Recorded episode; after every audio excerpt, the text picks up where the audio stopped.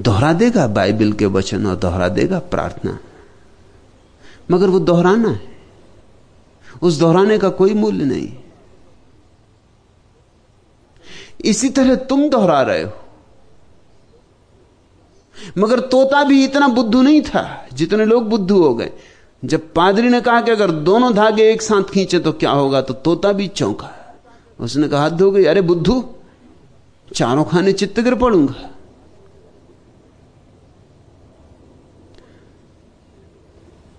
तुम जब कोई बात कहो, क्षण भर रुक जाना, पुनर्विचार कर लेना, तुम्हारे अनुभव से आती है। तो ही कहना, और उतनी ही कहना जितनी अनुभव से आती हो। एक रत्ती ज़्यादा नहीं, एक इंच आगे मत बढ़ना अपने अनुभव से। यह जगत रोशन हो जाए, अगर लोग उतनी ही बात कहें जितनी उनके अनुभव की। इस जगत में सच्चाई का तूफ़ान आ जाए। ये दुनिया झूठ में दबी जा रही है। और बड़े से बड़े झूठ वे हैं जिनको तुमने सच मान लिया है। मैं ये नहीं कह रहा कि ईश्वर नहीं है। मैं ये कह रहा हूँ कि तुम जब तक न जान लो, कुछ मत कहना। कहना, मुझे पता नहीं है कि ईश्वर है या नहीं। मुझे पता होगा कभी तो ज़रूर निवेदन करूँगा। अभी मैं भी तलाश में हूँ। मुझे कुछ पता नहीं। मैं अज्ञानी हूँ। जरा सोचो। ऐसा कहते ही तुम कैसे निर्भर हो जाओगे? कैसे हल्के? और ऐसा कहते ही तुमने दूसरे आदमी को एक दिशा दे दी। ईमानदारी की, अन्वेषण की, खोज की, तलाश की। तुमने दूसरे आदमी में भी एक ज्योति जला दी। यह ज्योति ज़्यादा मूल्यवान है। उस झूठी बात से जो तुमने उससे कह दी होती, कहाँ ईश्वर है, मैं मानता हूँ। और तुम हज़ार तर्क देते, वे सब तर्क भी बासे होते। उन तर्कों का कोई मूल्य नहीं। आज तक ईश्वर के पक्ष में कोई तर्क दिया नहीं जा सका है, न विपक्ष में दिया जा सका है। ईश्वर तर्क की बात ही नहीं। न तो सिद्ध किया जा सकता है तर्क से, न असिद्ध किया जा सकता है तर्क से। ईश्वर तो अनुभव है। और न ईश्वर हिंदू है, न मुसलमान, न ईसाई, न कुरान में है, न बाइबल में, न वेद में। ईश्वर तो तुम्हारे स्वानुभव में और तुम्हारे अतिरिक्त कोई उसका गवाह नहीं हो सकता। तुम उसके साक्षी बनो। सरहप्पा ठीक कहते हैं, पीछे करना अध्ययन, बंधु, तुम औरों का। हो सावधान, पहले अपना अध्ययन करो। पीछे दिखलाना आँखें औरों को। पहले अपने प्रति तो तुम बंदना अपने नयन करो। हो सावधान, पहले अपना अध्ययन करो। जीते जीते थक गया, जबकि जीने वाला, तज कर्म सजाकर मंच बन गया अभिनेता। वह कोई और न था, तुम ही कच्चे साधक। जिसने अपने को समझ लिया, जीवन जेता।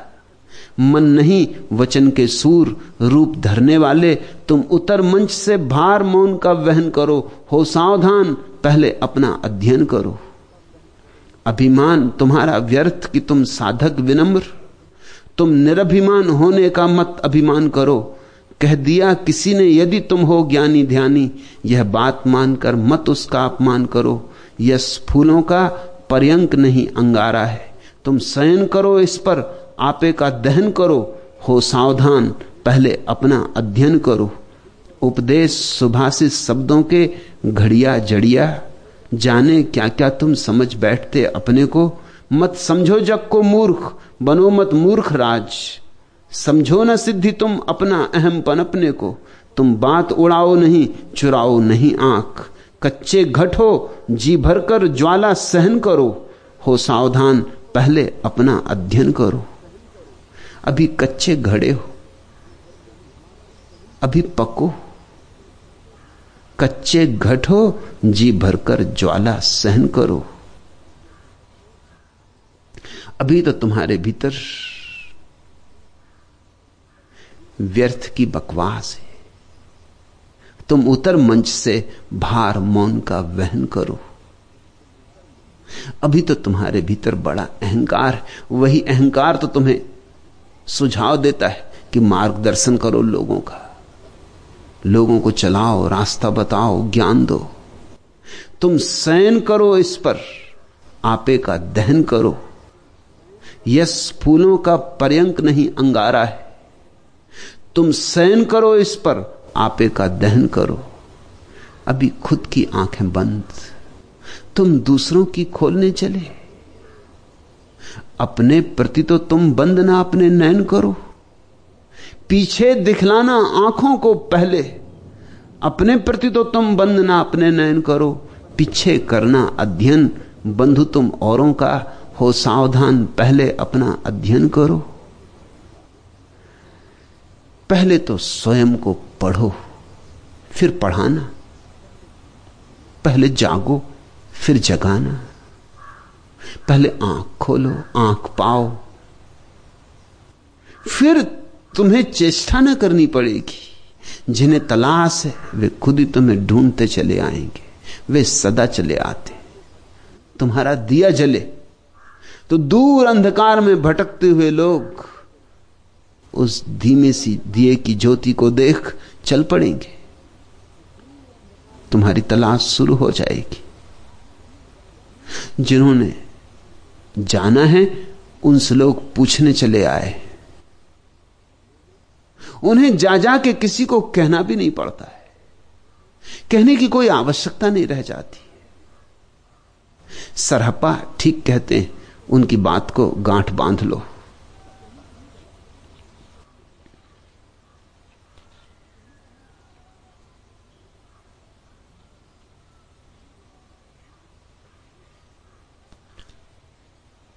चौथा प्रश्न। आपने कहा जीवन को लीला समझो। कैसे? और यदि जीवन माया मात्र है तो इस जीवन की आवश्यकता क्या है? जीवन को लीला समझो।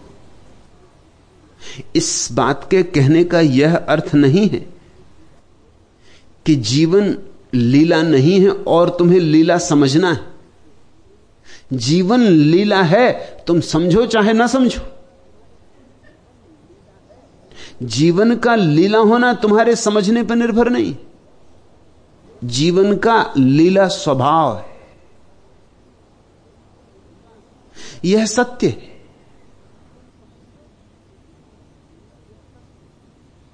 तुम समझ लो तो तुम्हारे जीवन में सत्य से मिलने वाली शांति का आविर्भाव होगा। तुम न समझो तो असत से मिलने वाली अशांति का विस्तार होगा। तुम समझ लो तो संगीत पैदा हो जाएगा, क्योंकि तुम्हारा तालमेल बैठ जाएगा विराट से। तुम न समझो तो तुम तालमेल के बाहर पड़े रहोगे। तुम्हारा छंद विराट के छंद के साथ न बैठेगा। वही दुख है। दुख क्या है? विराट के छंद से पृथक पृथक रहना। अपनी ढाई चावल की खिचड़ी अलग पकाना दुख है। जिस दिन तुम इस विराट उत्सव में सम्मिलित हो जाते हो, इस विराट संगीत में एक अंग बन जाते हो, बस उसी दिन सुख है, उसी दिन शांति, उसी दिन आनंद है। जीवन लीला है इसका क्या अर्थ? जीवन गंभीर नहीं है। परमात्मा गंभीर कैसे हो सकता है? गंभीरता तो उदासी है। उदासी तो रुग्णता है। उदासी तो विषाद है। उदासी तो उनमें होती जिनकी अपेक्षाएँ हैं और फिर अपेक्षाएँ पूरी नहीं होती तो उदासी होती। परमात्मा की कोई अपेक्षा नहीं इसलिए उदासी कैसी? परमात्मा विषाद को कैसे उत्पन्न होगा? परमात्मा तो सदा ही आनंद मग्न है। यह जगत परमात्मा ने प्रयोजन से नहीं बनाया है, क्योंकि प्रयोजन तो उसका होता है जिसको कुछ पाना हो, आकांक्षा हो। परमात्मा तो वह है जिसके पास सब है।